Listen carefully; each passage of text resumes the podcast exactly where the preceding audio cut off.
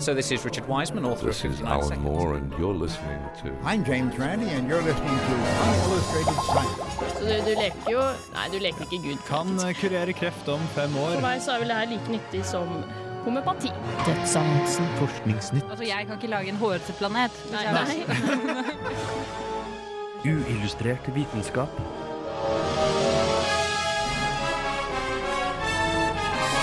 Science, it works, bitches. I dag får du vite hvordan musikk påvirker deg, og hvordan sorte hull fungerer. I tillegg ser vi på en kanskje ikke så imponerende robot designet etter honningbiers nervesystem. Ja, hei og velkommen til en ny sending av Uillustrert vitenskap. Mitt navn er Hogne, og med meg i dag så har jeg Gaute Hallo. og Øyvind. Ja, hei du. Ja, ehm, det blir vel en bra sending i dag også. Det blir veldig bra sending. Satser på det. Ja, selv om ikke Agnes er her. Du tror du klarer å veie opp for henne? Vi får prøve, i hvert fall. Ja, vi prøver. Nei, men da syns jeg vi bare setter på en låt med en gang. Ja. Nå får du 'Money' av Naomi.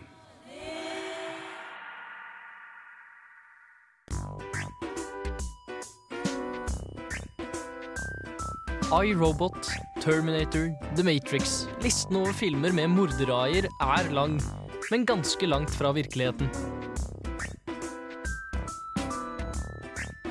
Nå kan det derimot se ut som at dette endelig har endret seg. I Berlin har det nemlig blitt utviklet en enkel robot med evnen til å lære. Krabaten ser ut som en liten tanks, men med et lite kamera på toppen koblet til en PC. Men la ikke det tanksete utseendet lure deg. Det er nemlig en smart liten rakker med et læringssystem basert på en vanlig honningbies sensor til motor-nervesystem. På den måten honningbier kjenner igjen planter med ønsket nektar etter fargen på blomsten, lærer roboten seg at den trygt kan bevege seg mot enkelte farger, mens den holder seg unna andre.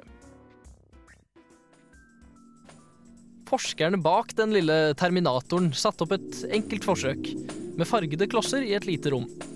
Roboten ble deretter plassert i midten, for så å se seg rundt og fokusere på de enkelte blokkene.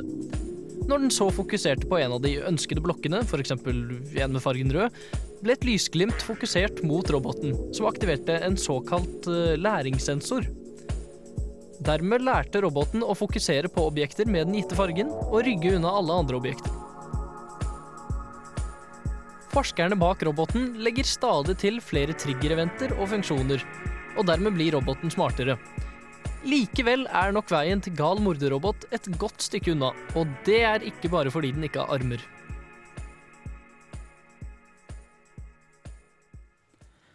Ja, der fikk du saken til Øyvind om uh, roboter, som uh, var veldig veldig gode, eller det Ble du imponert over de?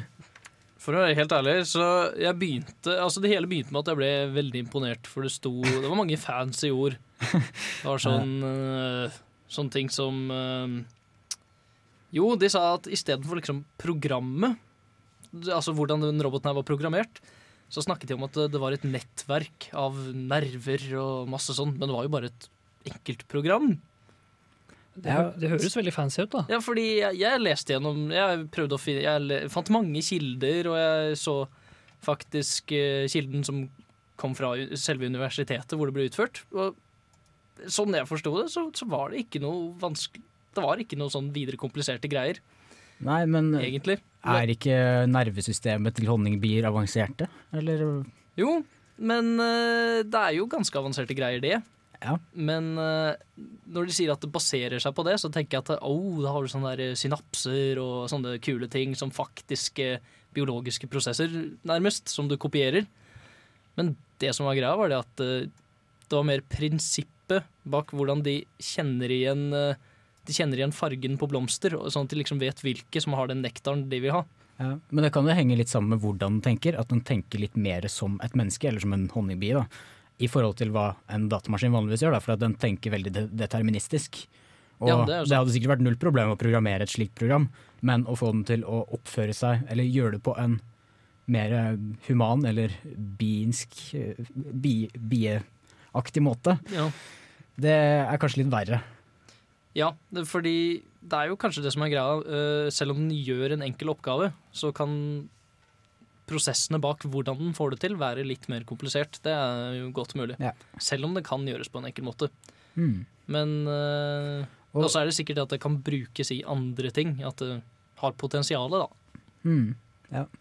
Eh, og hva er egentlig Du sa vel AI, gjorde du ikke det? Eller eh, hva er Ja. dette for noe? Det står jo for Artificial Intelligence, og det refererer liksom til uh, intelligensen til uh, en Ja, datamaskin. Det blir vel oversatt som kunstig intelligens, da. da. Helt riktig. Ja. Men uh, det er altså hvordan en datamaskin liksom kan reagere i forskjellige situasjoner. Reagere på forskjellige typer input og sånne ting. mm. Men Ja. det er ikke akkurat sånn menneskeintelligens helt ennå, da. Men Men der har vi jo den der kule Turing-testen. Den, Ja. eh, den er ganske kul. Hvor du da Testen handler jo da om at du prater med noen, og så hvis eh, Turing-testen skal gjennomføres eller være suksessfull, så må ikke du vite om du prater med om det er en datamaskin eller et menneske du prater med. Hvis du blir forvirret, da har ja, de som har laget programmet fullført Turing-testen. mm. Eh, og de har jo prøvd å lage noen eksempler på dette her også. ja, du har jo Cleverbot, for eksempel. Ja, der kan jo alle gå inn og sjekke selv og Ja, se hvor bra altså, det er. han har jo litt sånn morderiske tendenser av og til, og han sier veldig mye rart. Men eh, Ja. Ofte så er, det, så er det ikke helt dumme greier, altså. Nei. Uh, den har jo en del sånn standardsvar av og til. Ja, den har- den si. tar jo fra erfaring, så den Ja. tar jo fra andres input. Så det jeg har diskutert, jeg har prøvd en Clubbot, og det du diskuterer mest med er uh, du er et menneske. Nei, det er Eller jeg, du er ikke et menneske. Jo, det er jeg, fordi at det er den inputen uh, mennesker setter inn på datamaskinen. Oh. Men så, når han skal svare på dette spørsmålet, så er folk overbevist om at du er ikke et menneske. Men når han stiller det samme spørsmålet til oss mennesker, så svarer jo vi at jo, vi er mennesker. Og dermed svarer han det samme som oss. Og da får du et veldig stort problem. Ja, fordi det er vel egentlig bare litt sånn hermegås-greier det er snakk om her. Fordi den tar vel bare å analysere setningen du skriver, og så kjenner den igjen visse nøkkelord. Og så ser den hvor, eh, hva har andre svart på dette i denne sammenhengen, hvor disse ordene har blitt brukt. Ja, Den er ikke Det er, det er vel litt sånn som uh, sånn der Google ads funker og sånt. Sånn at de prøver å finne ting som passer til deg på sånn e-mail-pop-ups og sånt. Mm, ja. Men uh, da syns jeg det er på tide å komme oss videre i sendinga. Nå får du Red Eyes av The War on Drugs, før du får litt saken, eller reportasjen, til Gaute etterpå.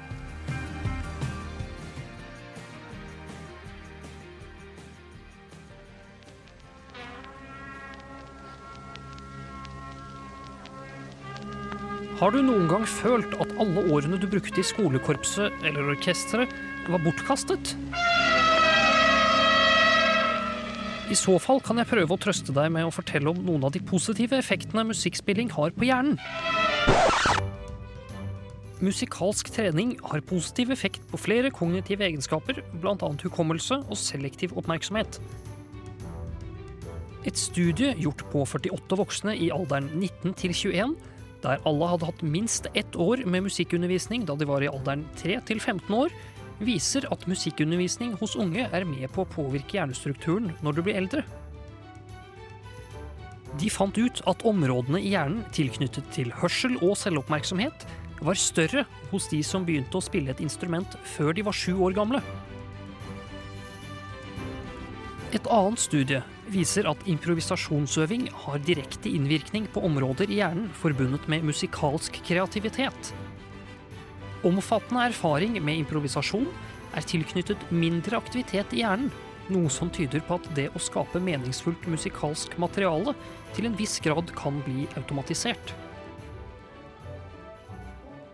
Så selv om du kanskje ikke legger spesielt godt merke til den positive gevinsten du sitter igjen med etter blokkfløyteundervisningen, er det godt å vite at uansett hvor dårlig du spiller, så kan det være underholdende.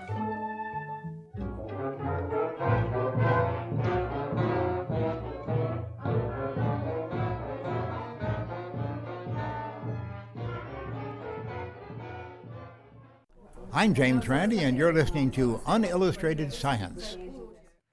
Ja, der fikk du den beste musikken i dag, i hvert fall. Jeg har et spørsmål. Hvor Ja. er det du har funnet de her eh, menneskerettighetsbrytende korpsjævlene? Ja, nei, altså det, det husker jeg dessverre ikke, men dette var da et orkester som, eh, som drev rundt og uh, jeg kan kalle det spilte. Jeg, jeg vet ikke om det er lov å kalle det det, men jo, de, de lagde i hvert fall lyd da, på 70-tallet. som var en gjeng med studenter som eh, ja, eneste, eneste kravet for at du skulle få lov til å være med, var at du ikke kunne spille det instrumentet du spilte på. Og det høres jo eh, sånn ut. Ja. Men du, du fikk Men- jo litt musikk ut av det, da? Eller, selv om det var veldig falskt? Ja, altså for det de gjorde, var jo det at de, altså de hørte på musikk og lærte seg litt sånn Ja, ja. hvordan det skulle høres ut, og så prøvde de å spille noe som ligna. ja. Mm. For eh, du drev og forklarte noe om det.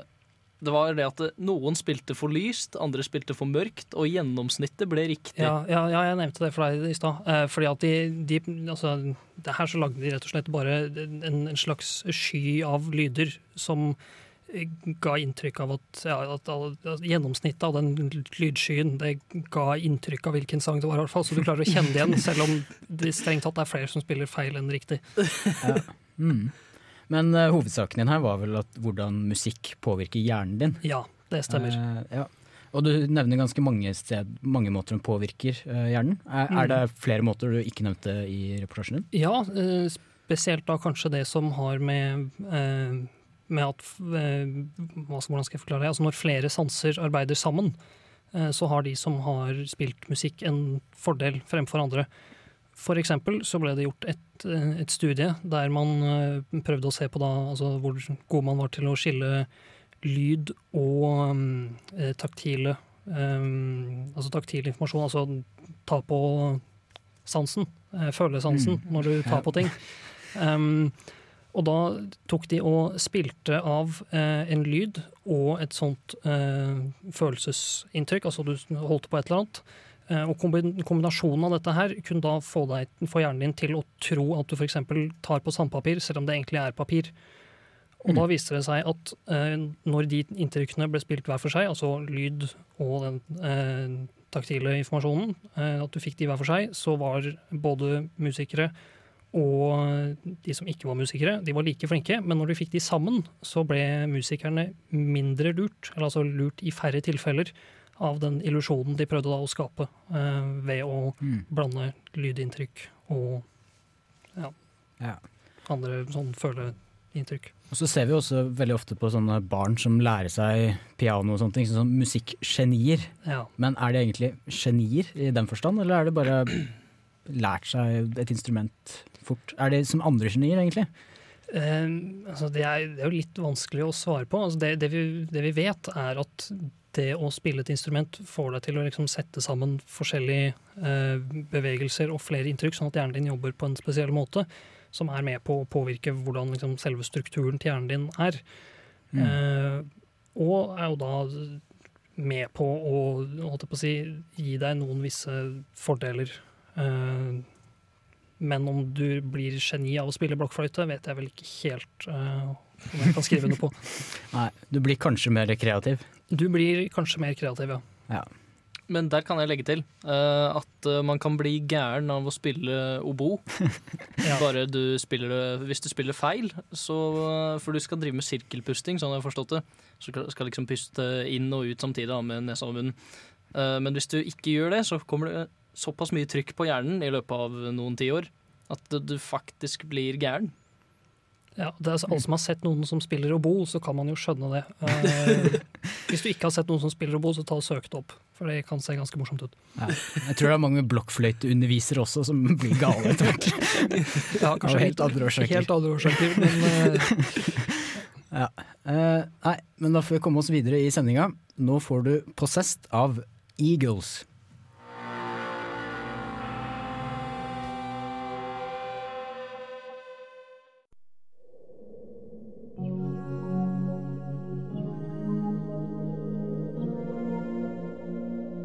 Et av de mest fantastiske objektene som finnes der ute i verdensrommet, er uten tvil sorte hull. De veier ekstremt mye, og denne massen er konsentrert på et veldig lite område. Denne konsentrerte massen fører til en utrolig stor tyngdekraft som gjør at materie, ja, selv ikke lys, kan slippe ut fra tyngdefeltet deres. Og siden de ikke slipper ut noe lys, så blir de til sorte hull som vi ikke kan se på himmelen. Vi kan bare se at det er noe der, med en enorm masse som påvirker stjernene rundt den.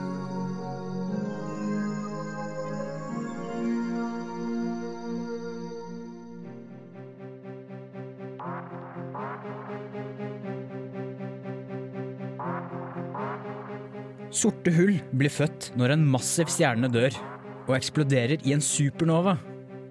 Hvis stjernen var stor nok, vil etter hvert gravitasjonen bli for stor, og alt blir presset inn i en bitte liten kjerne som bokstavelig talt lager et hull i spacetime. Etter dette kan de vokse seg større ved å fungere som en kosmisk støvsuger, hvor alt som kommer i nærheten vil suges inn, og massen til det sorte hullet vil øke. Det største sorte hullet forskere har funnet til nå, veier hele 40 milliarder solmasser, og er det største objektet vi kjenner til i hele universet.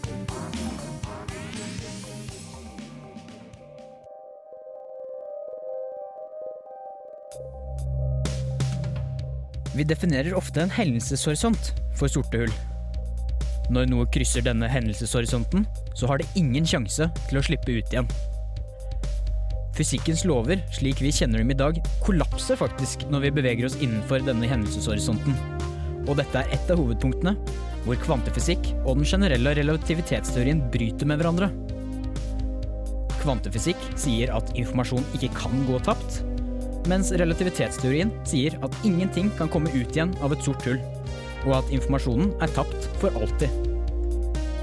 Og nettopp dette paradokset er det mange astrofysikere i dag, som f.eks. Stephen Hawking, forsøker å løse. Og en løsning kan kanskje til og med være med å gi oss svaret på et av de virkelig store spørsmålene, nemlig teorien om alt.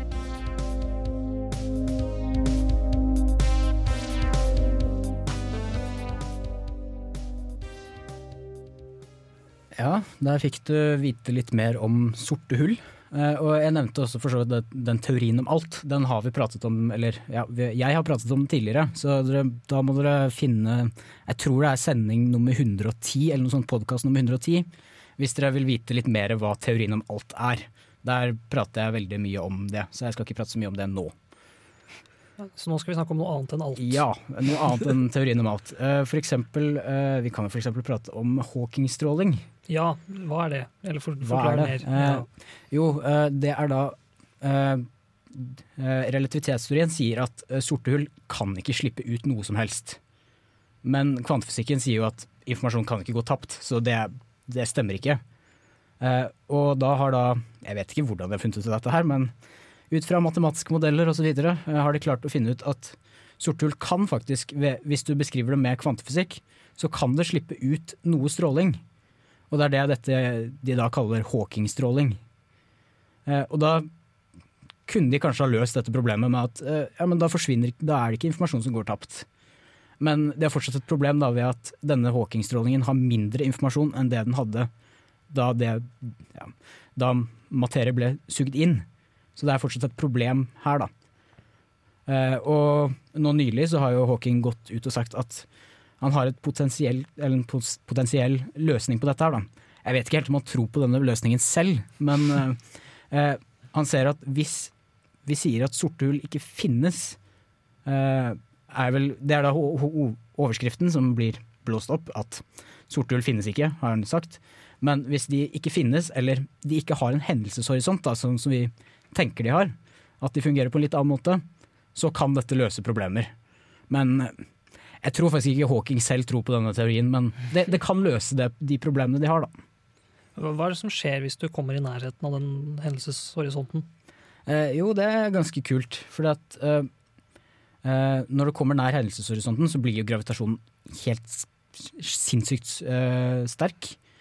Og hvis du da Hvis noe, noen deler av kroppen din er nærmere hendelseshorisonten enn den andre delen av kroppen din, så vil det trekkes mye mer på den kropp, delen av kroppen som er nærmere. Så hvis du f.eks. Uh, raser med hodet inn først, så vil hele kroppen din bli strukket. Eh, og det er dette her vi kaller spagettifisering. Men, fordi det eh, blir men, strukket som en spagetti. men den som blir strukket, vil han legge merke til det selv, eller? Ja, vil nok eh, kjenne veldig krefter. Det Ja, er jo men- helt utrolige krefter, så eh, du vil sikkert bli bevisstløs lenge, lenge før du kommer så langt, men du vil bli strukket. Det er altså selve atomene i kroppen din blir strukket. Så jeg tror det er noe du døde av før du begynte å føle på denne spagettifiseringen. Ja, men, eh, men eh, de her eh, sorte hullene Mm. Sorte hull, altså, det kan jo ikke bare være hull. Eh, Hvordan er det de er bygd opp, egentlig? Nei, det er jo egentlig ikke sorte hull, det er egentlig bare et område. Eh, vi vet egentlig ikke helt hvordan de er bygd opp. For det er ikke mulig å få noe informasjon ut av de sorte hullene, så vi vet bare at eh, vi kaller det et sort hull fordi at innenfor den hendelseshorisonten så er det ingenting som slipper ut, bortsett fra da Hawking-stråling, som vi har funnet ut av. Men dette klarer vi ikke å detektere. Eh, og vi kaller det da et hull fordi at de lager faktisk et hull i spacetime. Eller de, de bøyer jo hele spacetime, eh, og ikke bare litt, sånn som gravitasjon gjør, men eh, ja, helt sinnssykt mye, sånn at du rett og slett bare lager et hull. Eh, ja, Det er derfor du kaller det et sort hull. Men uh, det er egentlig bare et område hvor det er utrolig uh, høy gravitasjon. Hvor fysikkens lover kollapser, så vi aner ikke hva som skjer inni det hullet. Eller hva som skjer innenfor det området. Og vi kan bare gjette på hva som skjer. Ved å bruke teorier om alt, f.eks. strengteori kan tror jeg forklarer hvordan, hva som skjer inni et sort hull. Men eh, den er jo så absolutt ikke bekreftet, så det vet vi ikke om stemmer. Blir de sorte hullene noen gang borte, eller er det sånn at det er en sånn kjempetung ting som bare er der og lager hull i spacetime for evig og alltid? Eh, ja, nå kan det jo bli sorte hull bli litt mindre, fordi at de slipper ut denne her Hawking-strålingen. Mm. Men mest sannsynlig så kan det ikke forsvinne, for den Hawking-strålingen er altfor liten. Den vil uansett klare å suge til seg mer enn det den slipper ut, og vil egentlig bare vokse og vokse og vokse. vokse. Uh, ja. Så de kan egentlig ikke forsvinne, men uh, hvis du har et veldig veldig lite sort hull, sånn som fantes helt ved begynnelsen av Big Bang, så fantes det veldig veldig, veldig små sorte hull. De har mest sannsynlig forsvunnet nå fordi at de har sluppet ut Hawking-stråling og ikke klart å suge til seg nok. Men uh, i prinsippet så Eller i prinsippet kan de forsvinne, men i praksis så gjør de ikke det fordi de har altfor stor masse og suger til seg mye mer enn det de slipper ut. Men eh, det vil vel bety at eh, hele universet blir tatt av sorte hull til slutt, da? Eh, ja, men også dette at Men da må du tenke på at universet utvider seg, så ting havner lenger og lenger unna hverandre. Så gravitasjonen blir jo svakere fordi at avstanden er lenger. Så ja, jeg, jeg har, det er ingen som har kommet opp med en teori om at universet kommer til å ende som et sort hull. Nei. Nei. Men uh, sorte hull, de, eh, sorte hull i eh, galakser og sånne ting, de vil bare fortsette å vokse og vokse og vokse. Er det noen fare for at jorda blir sugd inn i et sort hull? Og I så fall, hva skjer da? Nei, det vil jo ikke skje, for vi har ikke noe sort hull i nærheten. Det, det er mest sannsynlig så finnes det et sort hull i midten av Melkeveien, men dette er jo veldig veldig langt unna oss. Men hvis det ville skjedd, så ville vi følt på en spagettifisering hvor hele jorda blir strukket, og jeg vet ikke hvis ja, den verdensdel som ligger nærmest vil strekke seg mer enn det som ligger på den andre sida. Ja, Jeg syns Gaute har blitt litt høyere i det siste. Det er nok Det et er sort nok hull. et sort hull, ja. Ikke sant? Nei, Vi får komme oss videre før dette bare blir tull. Eh, nå får du 'Elusive Youth' av Elephant.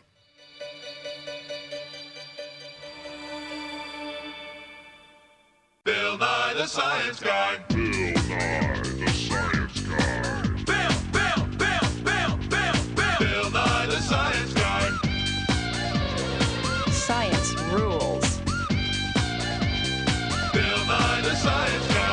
Inertia is a property of matter. Bill, Bill, Bill, Bill. Bill Nye the Science Guy. Bill, Bill, Bill. T minus seven seconds. Bill, Bill, Bill, Bill. Bill Nye the Science Guy. Ja, Der fikk du en intro av Bill Nye. Så vi må kanskje forklare hvorfor du fikk eh, introsangen til Bill Nye. Eh, det er nemlig fordi at det har vært en stor debatt i USA for eh, to dager siden. Hvor da uh, Bill Nye har uh, debattert mot uh, noen kreasjonister, da. Og ja Noen kan også spørre seg hvorfor i verden han har stilt opp i dette her, da. Men Bill Nye er i hvert fall en veldig kjent person i USA. Han er kanskje ikke så kjent andre steder. Men han hadde da et sånt science program eh, på 90-tallet. Så det er nok mange amerikanere som kjenner han, da. Han er ganske kjent der. Eh, og han debatterte da mot eh, Ken Ham, som eh, da er en kreasjonist som tror bokstavelig talt på alt som står i Bibelen. Så han er da en sånn eh, young earth eh, cre creationist, er det det de kaller han da, for at eh, det er ikke alle kreasjonister som er enige med alt som står i Bibelen. Men Ken Ham mener at alt som står i Bibelen stemmer. Og ja, Da kan dere jo tenke dere hvordan den debatten foregikk. Ja, eh, Noe av hovedtingene de tok opp, var vel blant annet det med, med alderen på jorda. Ja, det er jo ganske viktig. Ja, det er også det, det, det med New Earth Creationist crea, crea, Kreasjonist. Ja. Ja. Nei, for at eh, de som tror på Bibelen, eller det som, alt som står i Bibelen, mener at jorda er kun 6000 år gammel. Eh, og der er det jo et lite problem, for at vi har jo veldig mange beviser for at jorda er litt eldre enn det. ja, et par år kanskje? Ja, vi- Bitte bitte litt eldre. Vi har vel Men, et eh, tre som er over eh, 6000 år gammel. Ja, det er vel et 9000 år gammelt tre Ja. i Sverige, om jeg husker rett. Ja. Eh, men eh, et annet eh, viktig poeng, da, eller en annen viktig sak, er jo det at eh, i Bibelen står det jo også om den her syndefloden. Mm. Så eh, det var jo for nå 4000 år siden, da, visstnok. Ja. Og der, eh, der hadde jo han her, eh, Bill Nye The Science Guy, ganske mange Han kom med mange gode poeng mot det, syns jeg. Ja. For eksempel, hvis det hadde vært en stor syndeflod, hvorfor har vi ikke masse sånne der eh, Grand Canyons overalt i verden? Mm. Hvis den, fordi det vannet skulle jo ha forsvunnet på var det en måned, eller noe sånt? Eh, nei, et år. Et år brukte de vel på ja. under vann, og Ja. da overlevde alle randplantene på mystisk vis. Og han lagde en trebåt hvor han flytta alle mulige arter, eller kinds bruker han da, uh, typer dyr. De bruker ikke uh, arter, eh, de kreasjonistene. Ja, og det var vel Var det 40 000 typer, eller noe sånt? Mot de sånn 15 millioner vi har i dag. Ja, nei, nå mente kreasjonistene at det bare var 1000, så det, det går bedre. fint an, vet du. Ja. Altså, altså for, å, bare sånn for, å, for å støtte under akkurat det argumentet litt også, hvis det er typer dyr, så kan de jo, hvis, hvis de bare har holdt seg til bakterier og insekter f.eks., så har de jo i hvert fall ikke noe problem å få plass til alle sammen. Nei, men det er noen store dyr òg, ja. Mm. Ja, altså, Men eh, ja, kanskje vi skal prate litt mer objektivt om dette. Det, dette er jo et vitenskapsprogram, da, men eh, vi kan prate litt om hvordan det foregikk. For at, ja, jeg syns egentlig det var et veldig snilt system, da, fordi at eh, de fikk introdusere det, deres syn osv. Uh, og så fikk de da spørsmål som de skulle svare på, og fikk to minutter på å prate. Eh, og det ble ikke egentlig en sånn ordentlig debatt, følte jeg, for det var så vanskelig for eh, ja, partene å stille spørsmål til hverandre. Og veldig lett å ro seg unna, for du, du bruker to minutter på å prate og prate og prate og stille mange spørsmål. Eh, og så kan egentlig motparten bruke de neste to minuttene på å svare på det de vil. Eh, og der er jo et lite problem, for da kan jo de bare overse det som er de viktigste punktene. Men eh, noe prøvde jo han Ken Ham å forklare, da. F.eks. at uh, alle de bevisene vi har i dag om at jorda er veldig gammel, det stemmer ikke. Uh, og noe han gjentar ganske mange ganger uten å egentlig si, uh, forklare hvorfor, er at som jeg syns er et veldig veldig dårlig argument, som ja, egentlig alt kollapser på, er at vi kan ikke bevise fortiden, for at vi var ikke der. nei. Og da er det jo veldig bra å støtte seg opp under Bibelen, som ble skrevet i, i, i dag, nå. Uh, ikke helt, Ja, kanskje. oversatt på engelsk, uh, deretter tolket. Ja. Ja, har vel blitt oversatt Jeg, vet- Enda flere jeg ganger, vet ja. ikke hvor mange ganger den har blitt Nei, oversatt, noe men eh, det er jo, den er jo 3000 år gammel, er den ikke? Sånn, det Nei. eldste der med det. Ja, Når var det Moses Nei, og sånn. det skal jeg ikke si noe sikkert på. Så Nei. Uansett, den er sabla gammel. ja. Og Ja. den har blitt revidert flere ganger og tatt ting inn og ut. Men det er noen som er veldig eh, ikke så veldig fornøyde med denne debatten. da. For det var noen som mente at eh, dette, er, dette er et underholdningsprogram, du skal overbevise normale folk. Eh, og de mente at Bill Nye brukte altfor avanserte forklaringer på det han prøvde å forklare. Eh, og på den måten tapte han debatten, mente, eh, leste jeg et eh, debattinnlegg. Fordi at Ken Ham klarte jo Han er jo en ganske smart type, faktisk. Han var ganske god til å argumentere for ting han hadde. Han hadde jo noen flås, men det hadde jeg også hatt hvis jeg skulle bevist at, jo, prøvde å bevise at alt som sto i Bibelen var sant. Så har du et litt stort problem, men han, han var jo på en måte god, god på å argumentere på det han hadde å jobbe med. Og det, ja, det er jo vanskelig å bevise noe som ikke er sant. Ja, og det er Noe han også trakk opp der, var vel noen intervjuer med veldig smarte folk som er kreasjonister. Eh, Ja. For det er, det er noe som er veldig viktig å tenke på, at selv om man er uenige på dette her med natural eh, history eller origin eller hva det heter for noe, altså selve den hvor, hvordan har alt oppstått, så finnes det veldig mange som allikevel er veldig eh, kommet veldig langt på andre Ja. områder innenfor den vitenskapen som er det var vel for, for eksempel eh, oppfinneren av MRI-skanneren Mm. eh, var kreasjonist. Men nå må du også tenke på at de det han har pratet om Han har pratet med noen PhD-professorer eller sånn der PhD-professorer osv. som var kreasjonister. Men ingen av disse her var biologer, eller visste egentlig noe som helst om hvordan vi er blitt skapt. De hadde jo helt andre felter. De var bare smarte, liksom. De var, eh, var, var flinke folk og sa at det er ingenting innenfor mitt fagfelt som strider med eh, kreasjonisme, og det stemmer jo for så vidt, for det handler jo ikke om det samme. Nei. Nei. Ehm, ja, så det var en eh, Nå har jo dere sett litt av debatten. Syns, syns dere det var en bra debatt, eller?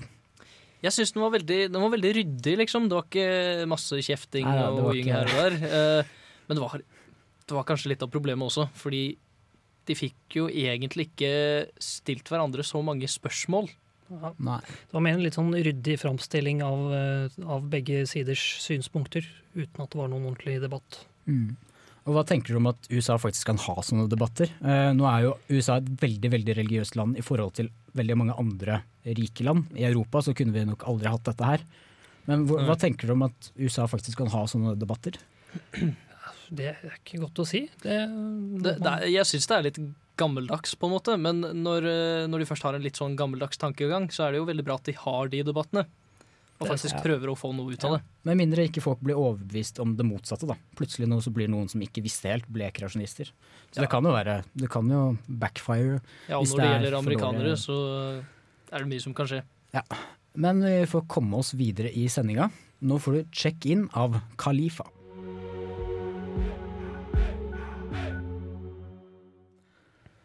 Ja, da begynner vi å nærme oss slutten. Eh, er det noe vi har lyst til å si til slutt? Facebook-gruppa vår. Facebook-gruppa vår som ikke er altfor oppdatert. Skjerp dere.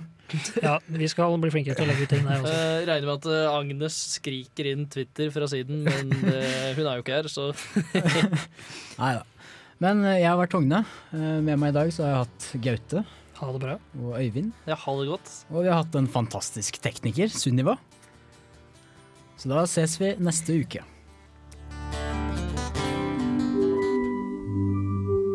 Uillustrert vitenskap er Midt-Norges eneste teknologimagasin på lokalradio. Og vi snakker om alt fra populærvitenskap til sære forskningsprosjekt ved NTNU.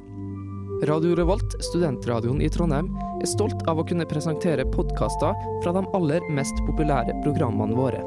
Hvis du har lyst til å høre mer fra Radio Revolt, hvem vi er og hva slags musikk vi spiller, så kan du høre oss på FM-båndet i Trondheimsregionen, eller streame sendingene våre live på radiorevolt.no.